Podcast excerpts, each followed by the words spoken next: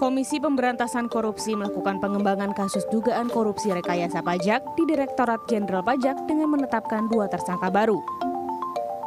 Salah satunya adalah Supervisor Tim Pemeriksa Pajak Direktorat Pemeriksaan dan Penagihan Dirjen Pajak, sekaligus Kepala Pajak Bantayang Sulawesi Selatan Wawan Rituan.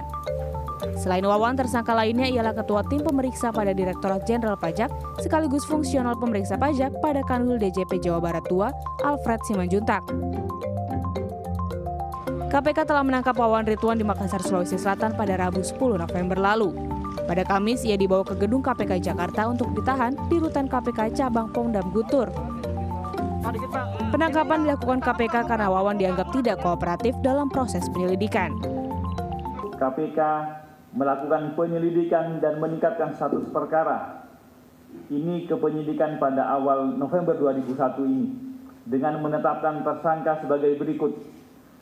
Pertama, Saudara WR, Supervisor Tim Pemeriksa Pajak pada Direktorat Pemeriksaan dan Penagihan pada Direktorat Jenderal Pajak.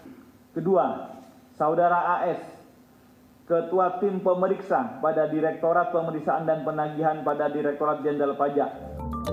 Perkara ini merupakan pengembangan kasus dugaan korupsi dan suap rekayasa kewajiban pajak tertagih pada tiga perusahaan, yakni PT Gunung Madu Plantation, PT Bank Penin, PT John Lynn Baratama. Kasus tersebut juga melibatkan Direktur Pemeriksa dan Penagihan Pajak Direktorat Jenderal Pajak Angin Praitno Aji. Dalam dugaan suap pajak ini, Wawan diduga mendapat bagian 625 ribu dolar Singapura dari total komitmen fee senilai 25 miliar rupiah. Tim Liputan CNN Indonesia.